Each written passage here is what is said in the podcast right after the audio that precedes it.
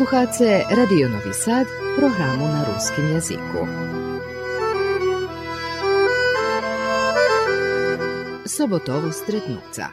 Dobri deň. Žičím vám príjemné popoladne na háboch Radio Nového Sadu. U emisiji Sobotovo stretnúca hostinska nám dlhoročná novinárka Jelena Perkovič zo Znovoho Sadu. Štíro naj keď som še pririchtovala za rozvárku i keď som vodzela rozvárku zo Spani Perkovičovu, mala som tremu. Vodziť rozvárku so s novinárom, ktorý má viac 30 roky iskustva u profesijnim novinárstve, porovnujúci zo sobu, ktorá som na počátku, môžem len povedať, že mi bola veľká čest. U rozvárky zmiešajú dotkli témy štučnej inteligencii, keľo novinárstvo zahrožené zo z toho boku a keľo z boku švitko dostupných informácií, ktoré še plasujú masy, ali o projektoch, plánoch i rozvahy. Nevyostala ani muzika, naša sobešednica mala da skeľo muzične žadania a u výbore tiež tak nám pomohla i muzičná redaktorka Neta Timko Mudri.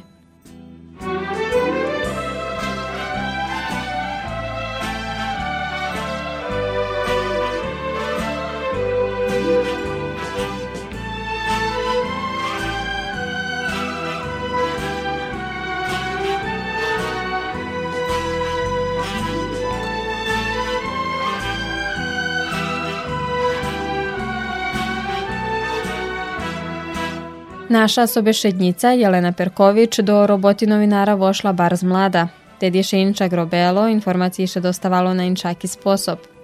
Nješka še veľo toho do novinárstva Miša a najvecej štučna inteligencija, kotru karmi človek. Znate, jak raz novinar, vše novinar. Ja to, keď som trimala dajaký edukaciji novinárom, to som hovorila, že jem da jedni profesiji u Švece robia 24 hodiny, to zdravstveni robotníky, pekáre, hajde, tak da povem. A novinare oni muša 24 hodiny robiť, že by provadzeli tých, co tiež robia 24 hodiny aj jakoši keď še ščiro poljubi to ta profesija, već vi vše novinar. Prosto to nerv vybudovaný, vyoštreni i za vas, co god vidíte, že še slučuje kolo vas, vše vám to pričina, že a či to može buď zviska, a či to vážne. Da som celý život tak reagovala, ja bar včas počala robiť, mala som 21 rok, i i ponješka, ešte vše i napišem daco i provadzim co še slučuje. I tak sama u sebe rozpravljam, ja bi už kolumnu teraz, hej, mam dosť iskustva, ja teraz kolumnu jednu napisala, ne znam že by som ju plasovala, ich to by ju objavil, tak to, takže to žije, a već i to redaktorski nerv, njeljem novinarski i redaktorski nerv provadzím e, už dlhší čas, což je slučuje u Švece medioch, že by som pod kavičkami prečítala, že jaký to trendy, jaký to tendencii, normálno isto že hnívam, že jakiše tendencii pestujú, hej, poverch, poverchovosť, nepatriše kontekst, dajaká hlibina, preco. Znači, to ti vjazi, uzročno-posledični vjazi še neopatraju a da ne pripovedam o slovniku, hej, kotri už dosta taký hudobný, i u plasovanju často nevažných informáciách, že by še zatrepali dajaký važnejší. To už očivisno, dumam, nie, nie, nie veľký e, rozum i veľké rozdumovanie, hlboké rozdumovanie. Takže i već pitam, že a co tu bude budućnost? Až som obačela, evo, ne že či som u pravu, som tižnjovníky na srpskim i čitala som i čitala som i dňovi noviny na srpskim i obačela som, že ktorý teksty písala, jak se to hvari, štučná inteligencija. Točno še obači, že teksty, kotri piše človek a kotri piše štučná inteligencija. I... Máte, že novinárstvo zahrožené Štučná inteligencija veľký, široký pojam, hej. Ona z jednoho boku hasen, môžete veľmi podatky dostať a z druhého boku Ona na čudný spôsob syntetizuje to tí podatky. Dakle som až obačala, že pre, prevozí chodzi kapacitet e, e, jednoho prosekového novinára, jak zna syntetizovať podatky. Medzi tým obačala som, že ona syntetizuje netočno podatky. Nevše jej zaključenja štučnej inteligenciji ne odvituju realnosti, až to banalni stvari. E, na koncu mušiše znati, že štučnu inteligenciju poljni človečeski rozum. Toto, co on napoljni, štučnu inteligenciju, ona tak funkcionuje. Ja dumam, že e, možljive, že ona zaključuje, hej, zaključuje. Međutim, ona muši imati osnovnu bazu podatkov kotri točni i kotri relevantni. Kedže ljudski rozum njeda relevantni podatki i točni, ona već spohrišno zaključuje. Možete porovnati novinarstvo, jaké je teraz i jaké bolo, keď ste rušali? A veľké rozlíky, e, ja peše poviem, že veľké rozlíky u švitkosti dostawania informacji i możliwościach dostawania informacji. Między kiedy choćmi radijski, na przykład beszedujem o radijskich e, nowinarach. Nješka radijski novinar može sam do poladnja napraviti sam emisiju i da mu bude dinamična. Povola, mamobilni, sajt je zvrižni, dostupno informaciju u jednej sekundi možete, znači za 10 minuti možete bardzo ważne informacije dostać. Ministerstva majú svoje sajty. My tedy u samim lokalu čekali, že da nas primi predsjedatelj, ljebo da jaki sekretar, hej, ljebo direktor da je jednoho podprijemca. Prosto nie mogli sme tak švitko dojsť do informacií i nie mogli sme tak švitko porovnať z informacií, keďže sme chceli. Ale upliv novinároch u czasze pred 30-40 rokami bul šemi vizi, veljo vekši jak su nješka novinarska profesija ma upljiv. Mi kad da su napisali, kad objaveli na radiju, a napisali u novinoh, a hajde tako uslovno da povem, znalo lječić pirje, zato že novinar napisal i že htoška komu to važne reagoval. Znači, tedi bola jednopartijna sistema. I mi nje mali, e, e, tedi partija, kad vidjela, že coška nje ušore, ona reagovala. I e, osoba kotra bula na tapetu, ona prosto bula pod priciskom a, jednoho dumanja jednej vrednostnej sistemi. I to davalo rezultat.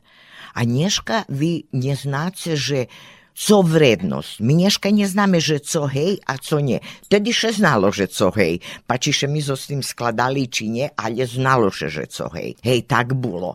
I my, my še rušali već u tých limitoch, znáce. A dneška dakus to češe novinárom, češe buď, jak da poviem, upravu, hej. Neznam, že či to dobre, či nie.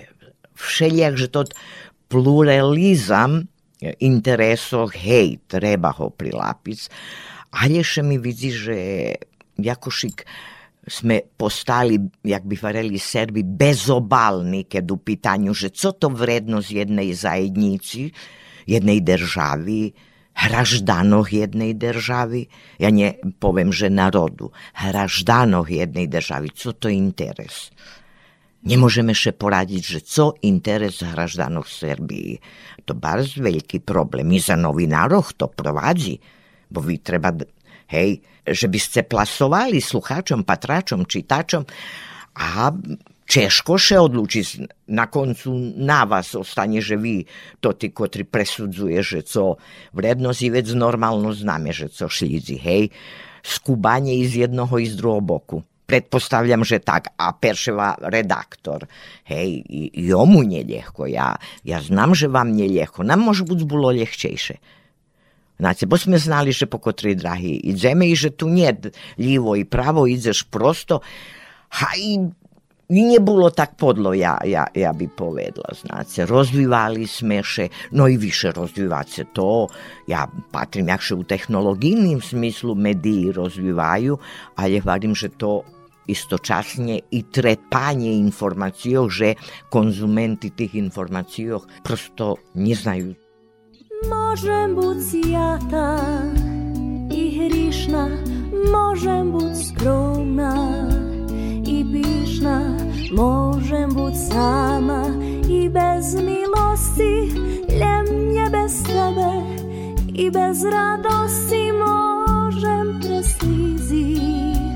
Zašpivac novi počatki počinac hoć cmota ukradnie farbi zo z nieba.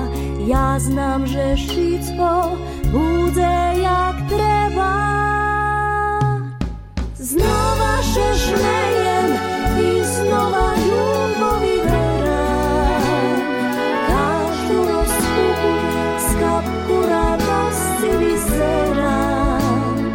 Ljubov vyberám, šťastie nemerám Hoď teraz stracím, znova šebu tebe vracím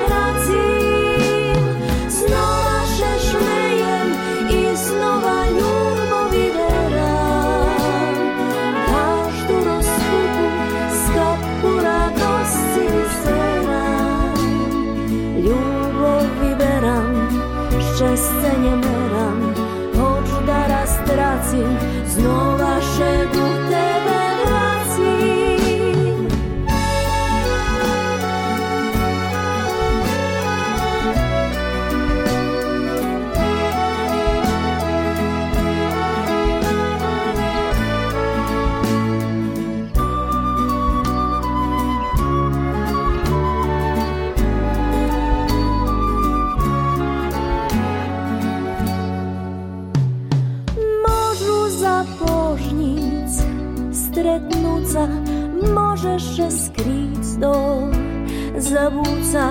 zabúca, znám, že še nič nestracelo i budzelem jak, co bud zmušelo, môžem preslízy zašpívať nový počiatky počínac, hoč cmota ukradnie farby zo z nieba. Ja znam, że wszystko bude jak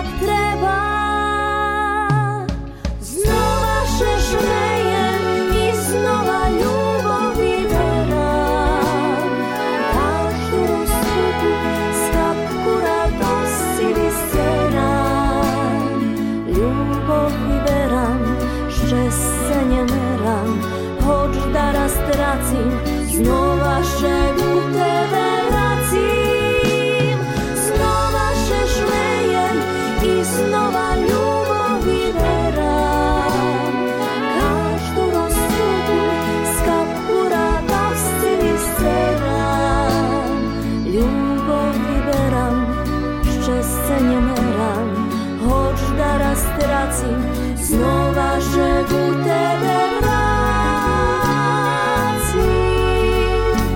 Jelena Perković diplomovala na Filozofskim fakultetu u Beogradze istoriju umetnosti i filozofiju, a svoje počatki u novinarstve zdobula jak redaktorka i novinarka u informativnim centre u Verbaše.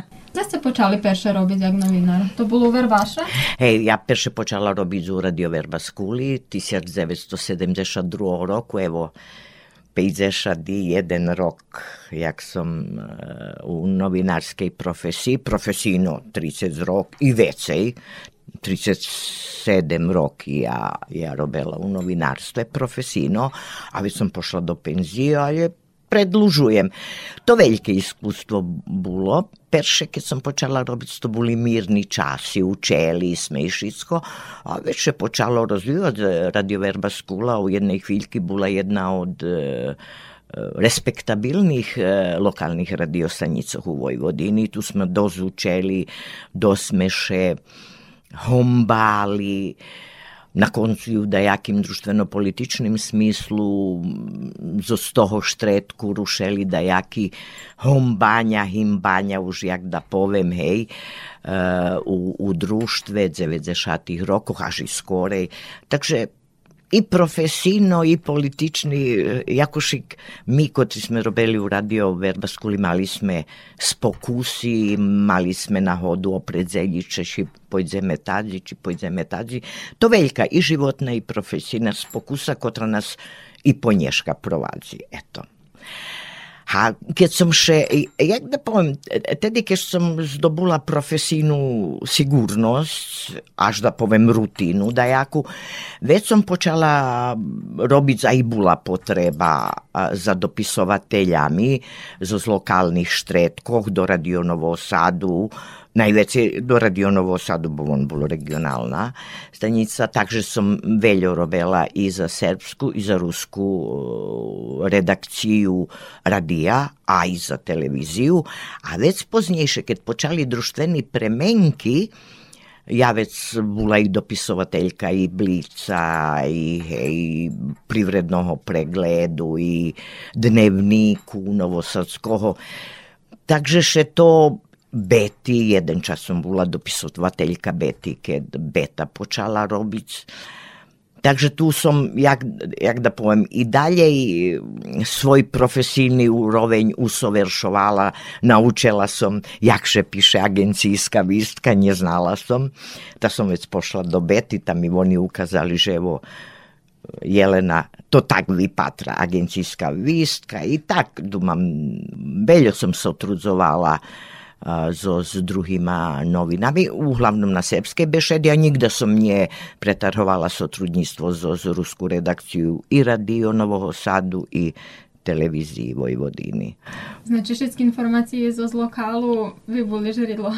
A tak otprilike to. I ja barz, ja keče utarhli, a ja ne možem povedať, že utarhli, ale ne prežili E, lokalni radiostanici, odnosno redakciji, ljeboše zahašeli e, redakciji na menšinskih jazikoh, ostalo napriklad na, na srpskej bešedi.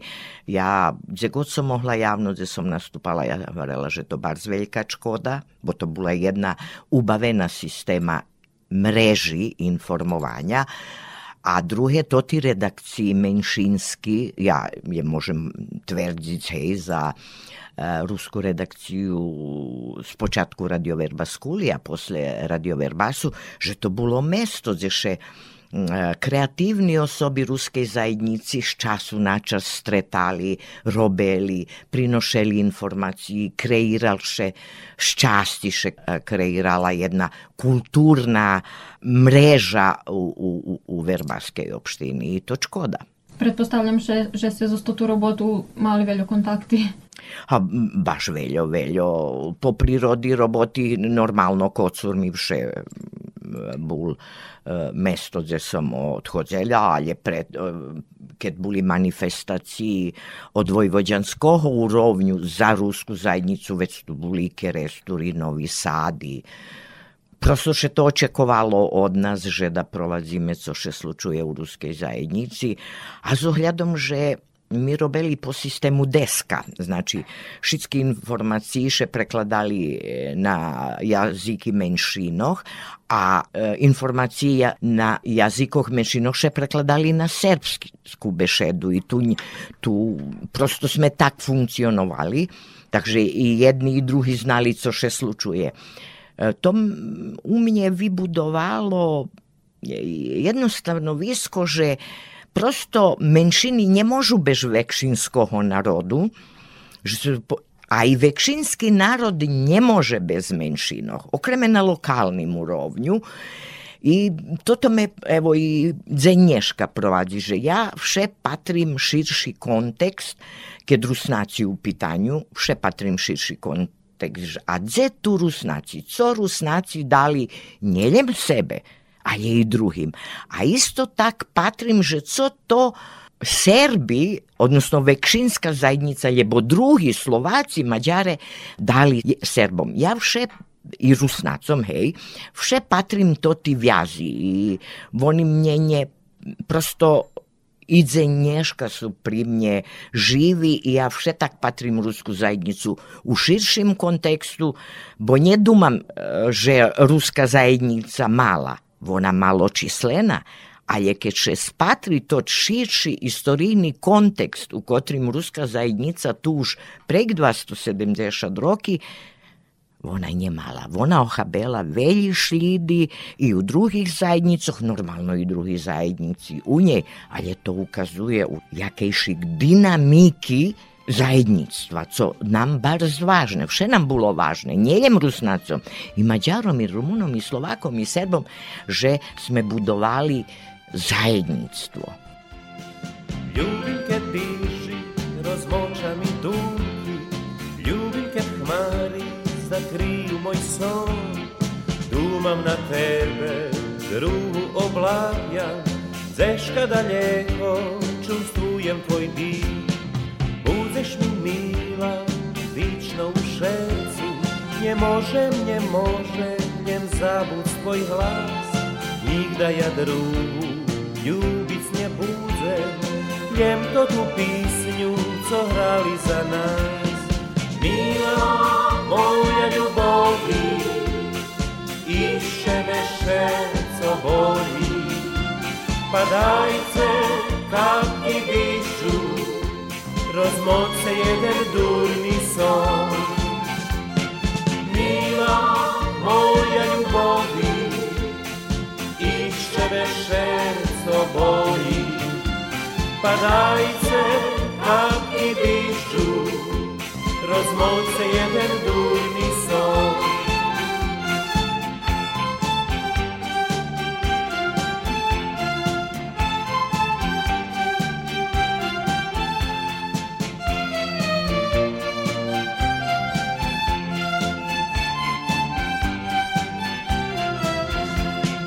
Ljubim kad diši, rozmočani dumki, ljubim kad hmari zakriju moj son.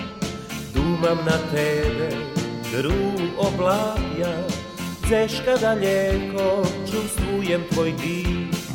Budzeš mi mila, vično u šercu, Nie možem, nie možem, njem zabud tvoj glas. Nigda ja drugu ljubic nie budzę, Njem to tu pisnju, co hrali za nas.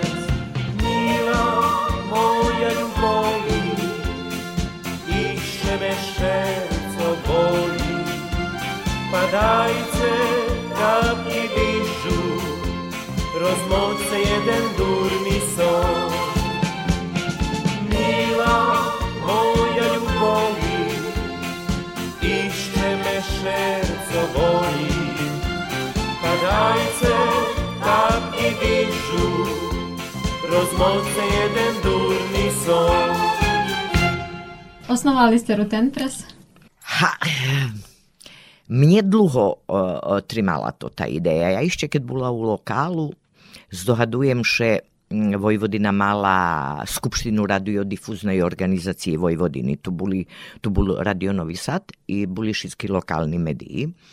Ja už tedy predkladala ani sama som nesvidoma, že ja, ja, jak mi to prišlo na rozum, že da mi napravíme poneže tedy nebolo sajty, nebolo było te, e, digitalnej technologii, ale da napravíme da jaku berzu e, vistkoh lokalnih, ktorý by e, bral Radio Novi Sad, ale že bi ona bola i dostupna lokalcom. I tak bismo mali berzu vistkoh od Subotici po Pančevo. Ale to vec prišli to tie krízni časy, nikto še so s tým nezanímal. Ale mne to tá ideja trimala. Normalno ja u medzičaše robila za betu i už mne agencijske informovanje bula blisko. I keď som prišla do ruského slova, keď počalo projektné e, finansovanie, ja znala, že ruské slovo nema. To boli češki časi, po, hej, sami počatok bukvalno, hej, 2000 toho roku, nového mileniumu.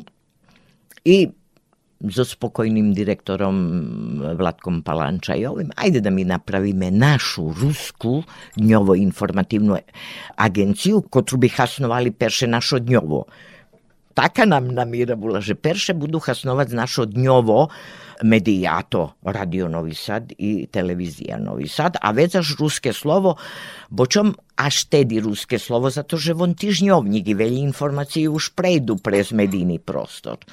Ja znam, že mi tedi ponukli sotrudnictvo jednomu i drugomu mediju obulo bezpečeni peněž za honorári, ale to češko išlo. Nie, nie, nie sceli. Hej, nie sceli robiť napríklad zo zradija, ja ne znam, že či dah to še prilapel, že by dal to ti informaciji zo televiziji nikto, ale poneže ja bola redaktorka Ruského slova, Vladko Palančajov bol direktor, ta sme jakoši, hajde, okončili blahy pricisok na kolegu, že a píšte zo z terénu i bude vám placené. I tak to počalo. Jeden čas až Ruten Press e, mal dvojazyčno, bol na srbski, isto sme dostali po trimovku. I to tak išlo, išlo, nebolo to ľahko otrimať, i vec, ja hovorím, že to je jeden od ritkých projektov, ne pri Rusnacoch, u Srbiji, kotri zos projekt mnoho finansiranja prešol jak porjadna dijalnost jednej ustanovi. Znači, u, u statutu je, znači, Češko ho možu tarnuc. Bo dok nje vošol do statutu, vi ruten presnijet penježi, a teraz tak. Ha, dumam, že je hasnoviti. Dumam, že je hasnoviti, Mi jedini obstali, probovali, dumam, že i Slovaci i Maďare mať svojo, ale dumam, že ani Slovaci, ani Maďare nie vytrimali to tempo. No oni majú Maďarso, ale zažljem već Ruten Pres i lokalni mediji mohli hasnovat, zna. Teraz svoji u calim Švece bile, biljem knjece na Ruten Pres i cališ, hej, Mošicko doznod i to, ha evo, ja už i zabula, že že sme ho osnovali. Že si mi zohádla. Spomenuli ste ruské slovo, že ste boli redaktor? A tam som bola redaktorka 4,5 roka i to za mne bolo učenje veľké. Ja, ne, ja bola dňový informa, radijski, radijski novinar som bola vše. A za noviny e, u Verbaše som jem pisala teľo, keľo som mušela i ani som nebar znala to tu technológiu. Ja keď prišla do ruského slova, ja bola prestrašená. Jak ja to teraz... Ale isto i u ruskim slovovec mi djabol ne dal mirata sme počali inovaciju vodiť. Peše Vlatko Palančajov, kotri e, prelamanje novinoh prerúcil do samej redakciji, nerobil nám veci dnevník, to veľké, uh, jak da viem, veľký úspech. Hej, že to trvalo da skeľo mešáci, učenja i všetko, ale stvarno i već to i veljo pocahlo, ljehčalo, bo vi možete tako i uh, menjanzi to i tak, bolo interesantni stvari, bolo interesantni stvari mi, hej, već dumam, že i na farboh, na farbi sme prešli, a već sme dakus i probovali inšaki pristup, dakus kritičnejše, dakus dinamičnejše, da to každý redaktor coška prinoši nové. Ej. Za mne to bolo veľké, veľké iskustvo. Ja vše ľubím povie, že ja ozda jedina, jediný redaktor, redaktorka u Ruskim slove, kotra dva raz prespala u dnevniku bo še dlho robili noviny, nemala som prevozku, do pozno v noci sme robili. Ja već ostala u redakciji, prespala u dnevniku. Hoć, stvarno, Vlatko Varel Jeleno, ajde seš hotel od, nje, reku, nebude mi perši raz, bo baše mi še slučovalo, že a doma, hej, som bola. Tak, interesantni to stvari, to šitsko, ja vše ljubila coška nové naučiť sa. Predpostavljam, že ste mali dobrých mentorov, keď ste od koho učili. Hej, znaš, keď sotrudzuješ zo jednu betu, već chceš, nesteš. Nešla som na dajaký okremný edukácii, ale sme telefónom, hej, še čuli, korigovali meco, jak učeli meco vážne, hej, zos toho. Moje najväčšie učenie zažljem bola redakcia Radio Verba Skuli i Verbasu. A ja môžem vyznačiť e, redakcija e, informativnog centra u Verbaše bila barz interesantna. U njej robel jedan Marko Keković, jedan Petko Koprivica, jeden Aleksandar Đivulski. I bez ohľadu, jak mi funkcionovali, ale e, ja, jak e, redaktorka radio, radia, bar som chcela vidieť, ja, ja chcela znať, co думаю, i to ty, so s kým še ja neskladam profesijno-politični. Не chcela som odrúciť, ale som lapala, že co tu smysel. Za mne naj, ja to javno šehvarela, ja i teraz javno poviem, za mne najväčší korektív u profesii bol Petko Koprivica. Ja še so s ním nemohla zmahať i pre privátne stvari. Ja, ja nemohla 24 hodiny pošveciť novinárstvu, jak co on. Ale som učela od ňoho. I vše mi dával e, za uvahy, ale ja še nehnívala, ja len rozdumala o tých zauvahoch. Takže to, toto tá škola, ja neučela veľa von z redakcie, ale som mala osoby, od ktorých som učela. Marko Kekovič, on písal za e, beogradský médií a je e, časť jeho textoch prechodzelo mne prez ruky jak redaktorky e, radia. Ja vec tu učela, ja vec tu patrela, že jak on formuje text, na co dáva uvahu, co tu vážno, jak poviazuje. I takto z roka na roky vyšuľkala som, že ja vec, ja, jak da poviem, ani som nemala dajaký komplex pra nich, bo som znala, že jak oni funkcionujú a jak ja. Sluhați emisiju Sobotova sretnuca u kotrej nam hostinska dlugoročna novinarka Jelena Perković. Donocic mi. I dni.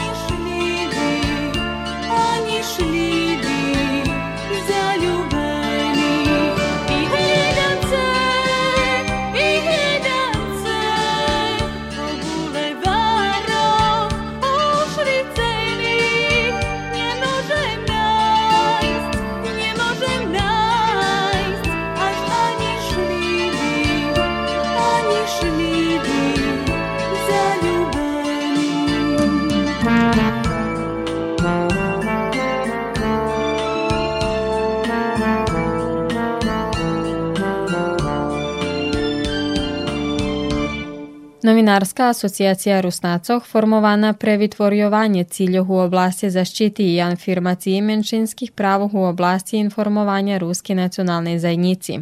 U naruše pestuje i rozviva šljobodne novinarstvo, tolerancija, zaštita novinarskiej profesiji od čistskih priciskov, sotrudnictvo s drugima organizacijami, združenjami, organami i fondacijami. NAR za sobą ma číslený projekty a prez nich ukazuje na značnosť i vplyv ruskej zajednici u društvu, u kotrym še ona nachodzi. A te slovo NARu? Prišlo tako spoznejšie. Hej, NAR 2010 toho sme ho formovali. Isto Vlatko Palančajov, ja, tu vezi Martica Bula, Senka Međešova zo z odnosno Mijačićova, hej, poznejšie, isto dlhoročná novinárka zo z Radio Kuli. Mi tuše jakošik uparli, ja už tedy mala iskustva u nevladovým sektore i tak sme ho formovali, videli sme, že hajde tak da povem, že nam trebalo to mi napravili nar boli tu vyberánky, pa već vyberánky u nacionalnim sovitu i tak i prosto bol reálna potreba. Nar bol reálna potreba, že by sme edukovali našich novinárov. Videli sme, že bolo potrebné. Posle toho jednoho periodu represii, neznachodzenia celého društveného kontextu, bolo potrebné, počalo pomaly zmena generáciách, prišli vy, počínali prichodiť mladí a my tu už boli pred penziu.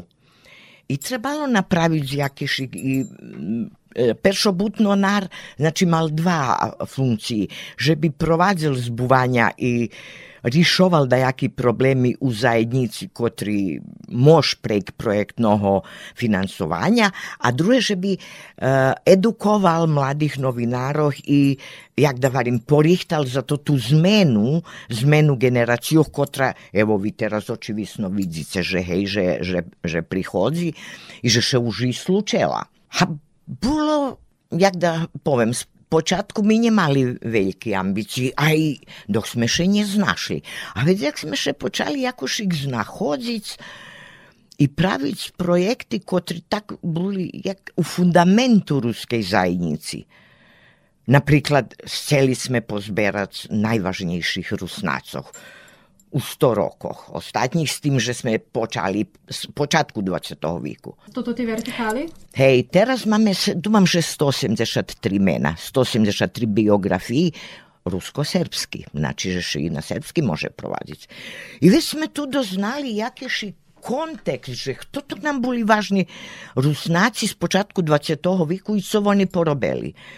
I već naraz vybuchla storočnica prisajedinjenja Vojvodini, tu grekokatolický panocec Paroch Hranilovič odbavil jednu od ključnih úloh. On predsedával tej e, skupštiny, hej.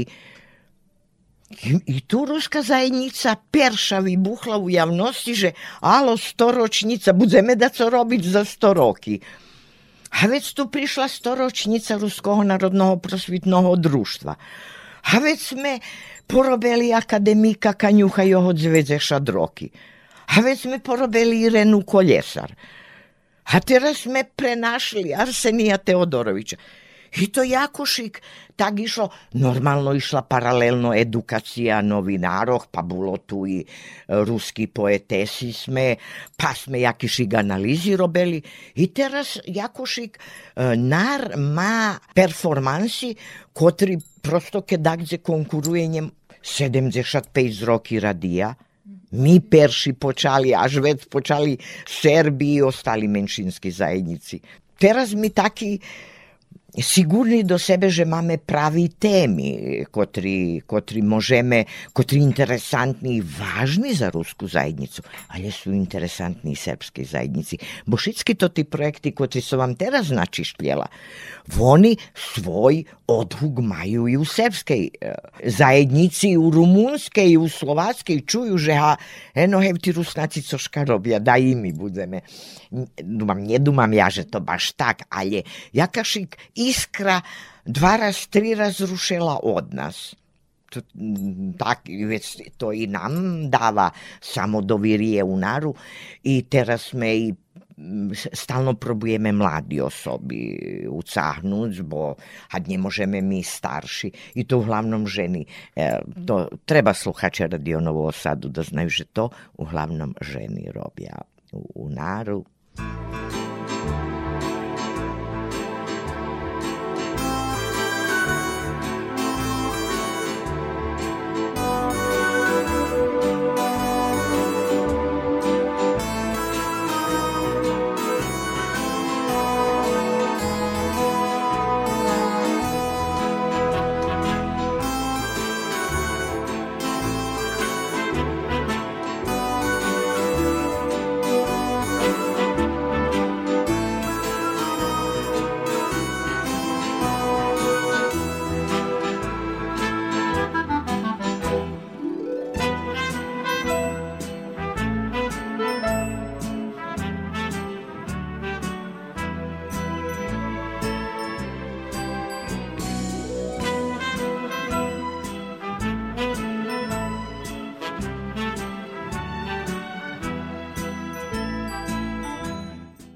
projekt v Amunaru był, tak da powiem, najcięższy. Naj, najdłużej tirwał i najwięcej jeszcze natrapiali. To dostatnji. Arsenije Teodorović i no, Arsenije no. Markovo. On intenzivno tir, tirval tri roki. Mi tri roki u troch etapov dostali po trimovku. Ali je to tu po trimovku trebalo boksovati. Prosto mi je jasno, že jak to ne, ne, nevideli to tí, ktorí odredzujú hej, projekty. On bol najčešší i najodvičateľnejší. Ste to... prišli na ideju?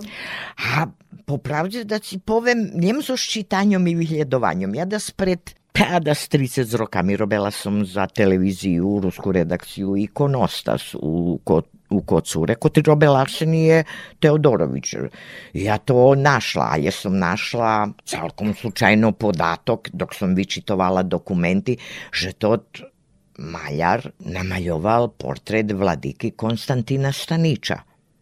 Ja pitam u Kocurskej parohidze tot portret, bo jak som vyučovala Arsenija Teodorovića, mušela som ho vyučovať za, za to tu emisiju, ja hasnovala literaturu Leposavi Šlemić, naj, tedišnji, tedišnji, ona bola najväčší fachovec za Arsenija Teodorovića i u jej popisu portretoh nigde nebol Konstantin Stanić. I to za mne bol alarm, že da ja odreagujem.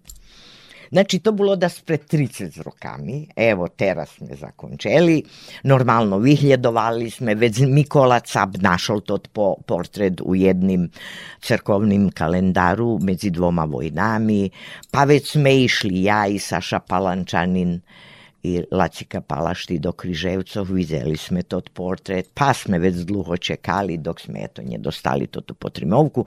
Naš česce Uspostavili sme sotrudníctvo so s dvoma historičarkami umetnosti, Dragoilu Živanovi, Milenu Vrbaški, kotri fachovci za konj, e, srpske slikarstvo konje z 18. i početok 19. viku i oni pristali to, to, to nje bilo bizovne, že mi i teraz to zakončíme. Međutim, ja stvarno osobnje som veľo trudu uložela, nepatrela som inač, otverala šicky zveri, pokusom šaživať zela.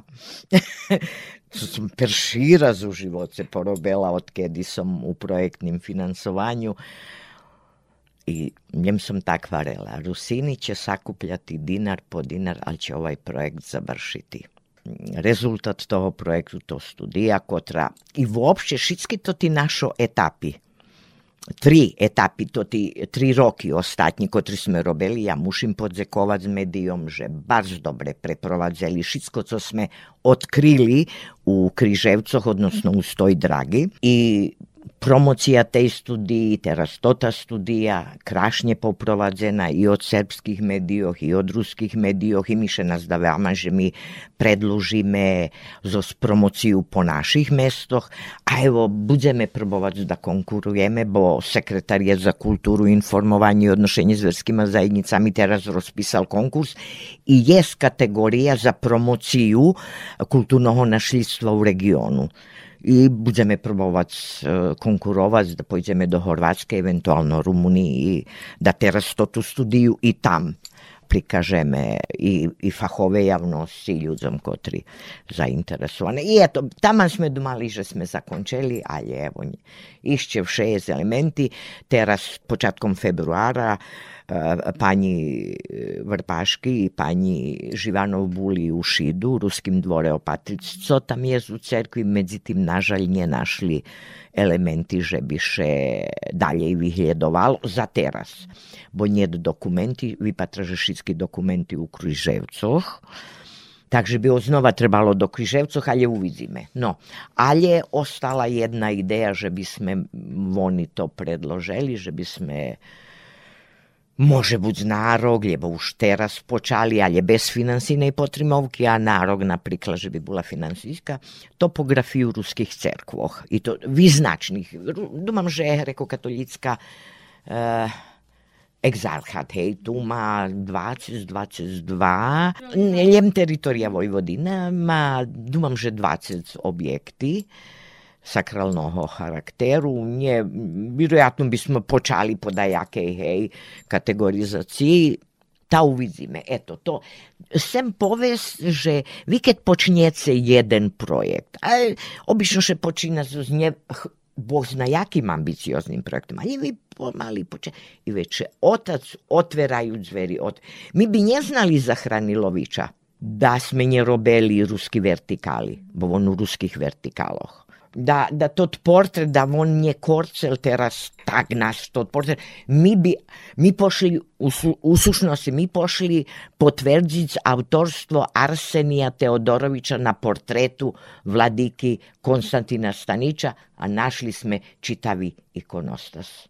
A Pluševec u medzičaše našli dva portreti u privatnih zbirkoh u Horvatskej, a možljive da hvalim da pošpirtame, išće tako možljive, že bi išće da su našlo. A to bardzo ważne, že to ukazuje, že še i pred 200 rokami na tým prostore žil multikulturálny život.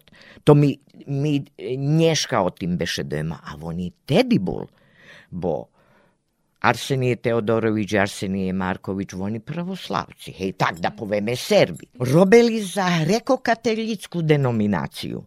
A tu mi Rusnaci u dvoch cerkvoch Robel Arsenije Teodorović Robel ikonostas i dzekujući, ja to javno hvarela, znači ščasti, dzekujući tim ikonostasom, to ti dva sakralni objekti od okremnoho kulturnog značenja za Republiku Srbiju. Takže toto ti vjazi oko ja na počatku emisiji e, bešedovala. Pačme mi, njeljem naš dvor, ali pačme jak cinj z našoho dvora pada do, do, do druhých dvorov. I co to náš viaže? My tu netakaljem, že jakašik zajednica, kotra, eto, ne znam co. Zajednica, kotri máme vjazi, a dzeže napríklad to ti našo vjazi u druhých naukoch, bo mi prez ruski vertikali vidzeli bo nam jeden od kriterijumov bolo i obrazovanje, uroveň obrazovanja. Keľo našo doktore naukoh dali njeljem Vojvodini, njeljem Srbiji, ali je Švetu. Ali je, a to zekujući zaš naru, zato že vošlo to, že porobi me mi to, ajde da najdziemy. Nam teraz bude szli kroče da mame 250, nije 180, ale 250. Będziemy mi špirtat, pa ja mame ekipu, kotra to robela. E ja o tim bešedujem, že da mi vidíme, mi miljem maločislena zajednica, a po pravdze so kulturnýma dosiahami, so naukovými dosiahami, taži so sportskými dosiahami, mi nemala zajednica. Ja to chcem prešvečiť i mi zo znaru, ja, ja po najvecej to dlingu naru, že jaki to vjazi i sponi ruskej zajednici so so s okruženjom. Mi, ja to ljubim vyhľadovať. Povieme, halo, a my tu, a, nedaremno my máme 10% u, u, u našim žiteljstvu, u ruskej zajednici 10%, a ja bi až teraz povedala, že najmenej 10% visoko obrazovani. To nie mala stvar. Znači, vi zo takej struktúry vy máte veľký vplyv na okolísko, bo ruskej zajednici netreba 10 postov. Ona nemôže upošliť to ty kapy. Znači, my, my še musíme, širíme i dávame doprinošenje rozvoju celej zajednici, regiona. Du, du, daj, du, du, du, du, du, daj, du, du, du, du, du, daj, du, du, du, du. Du, du, daj, du, du, du, Obleč najkrajšiu sukňu, ty budeš moja balerína. Poď preto ich všichni púkňu, to naša ostatňa hodzína. Švítko preletli časy, u farmérkov bľadých skrytí. Pamätaj, to ty časy z pohárok červených vypítí, zabudsme toho večára na ľubov školskú klasy. Pred nami noc otvára nový životný krásy. Poručím sok malínov, prinešu mi ho na pol trecej.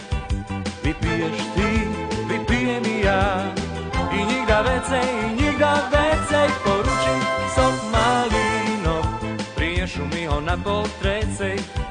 Vypiješ ty, vypijem ja, nikda vecej, i nikda.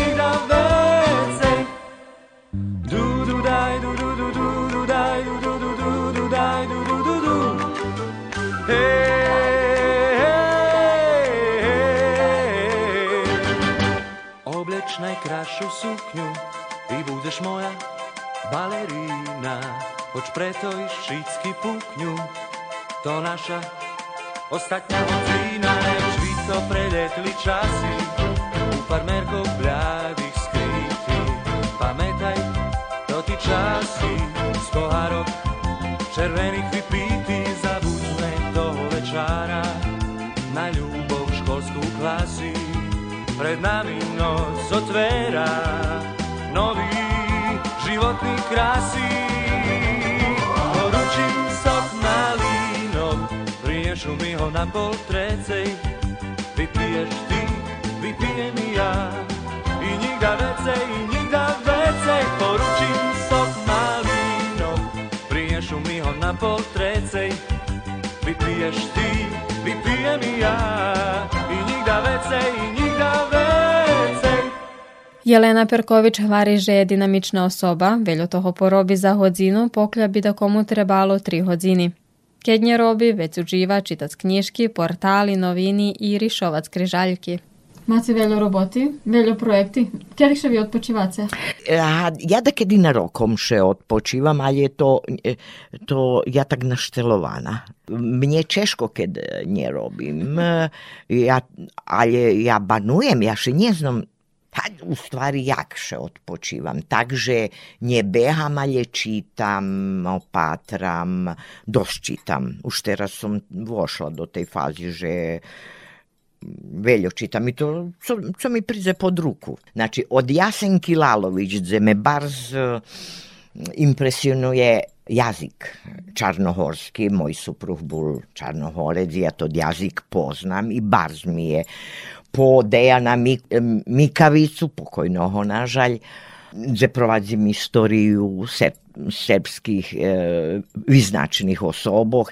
I gde ja tu i vidim i so s našima projektami i s položenjem Grekokatolickej cerkvi. I počinam pohopjovac vecej serbski mentalitet, serbsku duhovnost, jeden čas som čítala aj Taylora, ktorý pravil studiu Austrijského carstva práve za tot period ktorý obrapja i čast Arsenija Teodorovića, Arsenija Markovića i prosto to ti konteksti onim, jak da povem, davaju mi moci, prešvećuju me, lebo, lebo me ne prešvećuje, prevodza mi do toho, že da menjam stanovisko, rozdumovanje i to.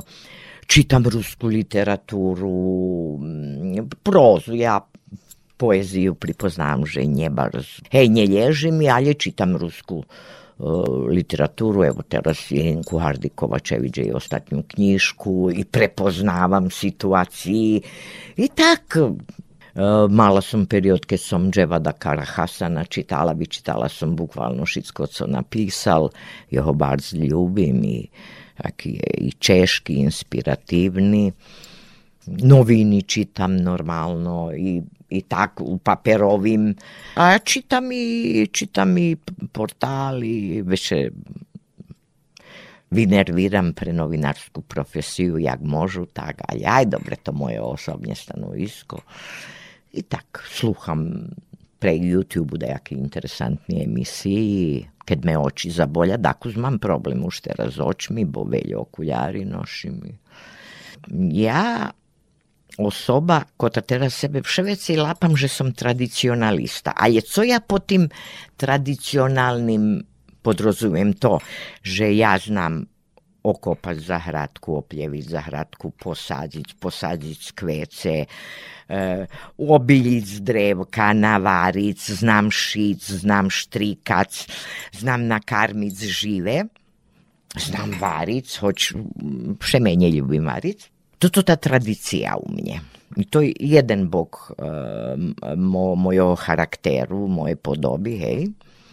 A druhé, že prosto chcem znať z kontextu, kotrým žijem, prečo to tak. Ešte sa, aj hej, ľubím znať, prečo to tak, čítam, vyčitujem, a veď keď me toto lapí, že, že, že nám odobria nejaký projekt, veď ha, musíš sa zakončiť, keď sa dostali peniaž, musíte ho pravdať. To tak, že ja tu tak na poli, tak som po poli podzelená, ale mi napríklad to tá tradicionálne odnošenie, hajde tak da poviem ruskýňa, hej, všetko treba znať zi obiliť, zi orýpať, zi pomasiť a to mi u slušnosti odpočívok. Znači, keď toto robím, to ti tradicionálni roboti, rutinski, ja še tu odpočívam.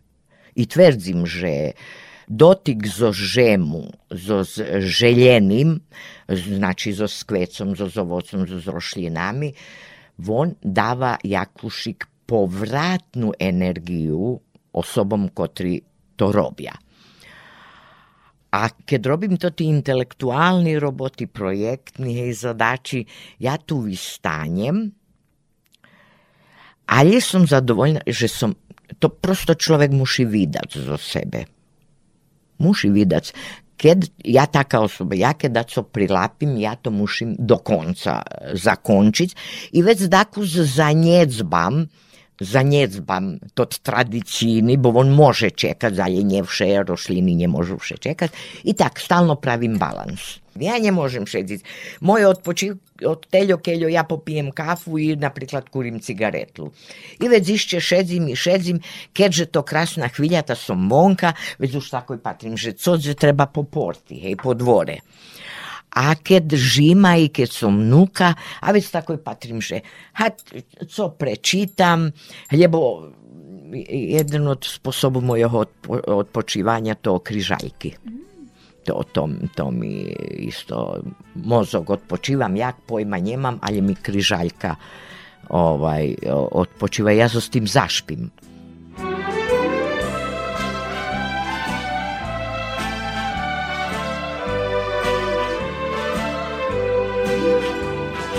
Pomali zakončujemo emisiju Sobotovo stretnuca, u kotrej nam hostinska bula Jelena Perković. Mi Jeleni dzekujemy na vidvojenim času i pripovetko kotri podzieliala zo nami. Sluhali ste muziku po vibore naše nješkajšej sobešednjici, a ti štag i muziku po vibore muzičnej redaktorki Ahneti Timko Mudri. Tehnična realizacija emisiji i Boja Šanca, a Rosvarku priznačela Jelena Dudaš. Po nove druženje i novu emisiju posilame vam ščiri pozdravi.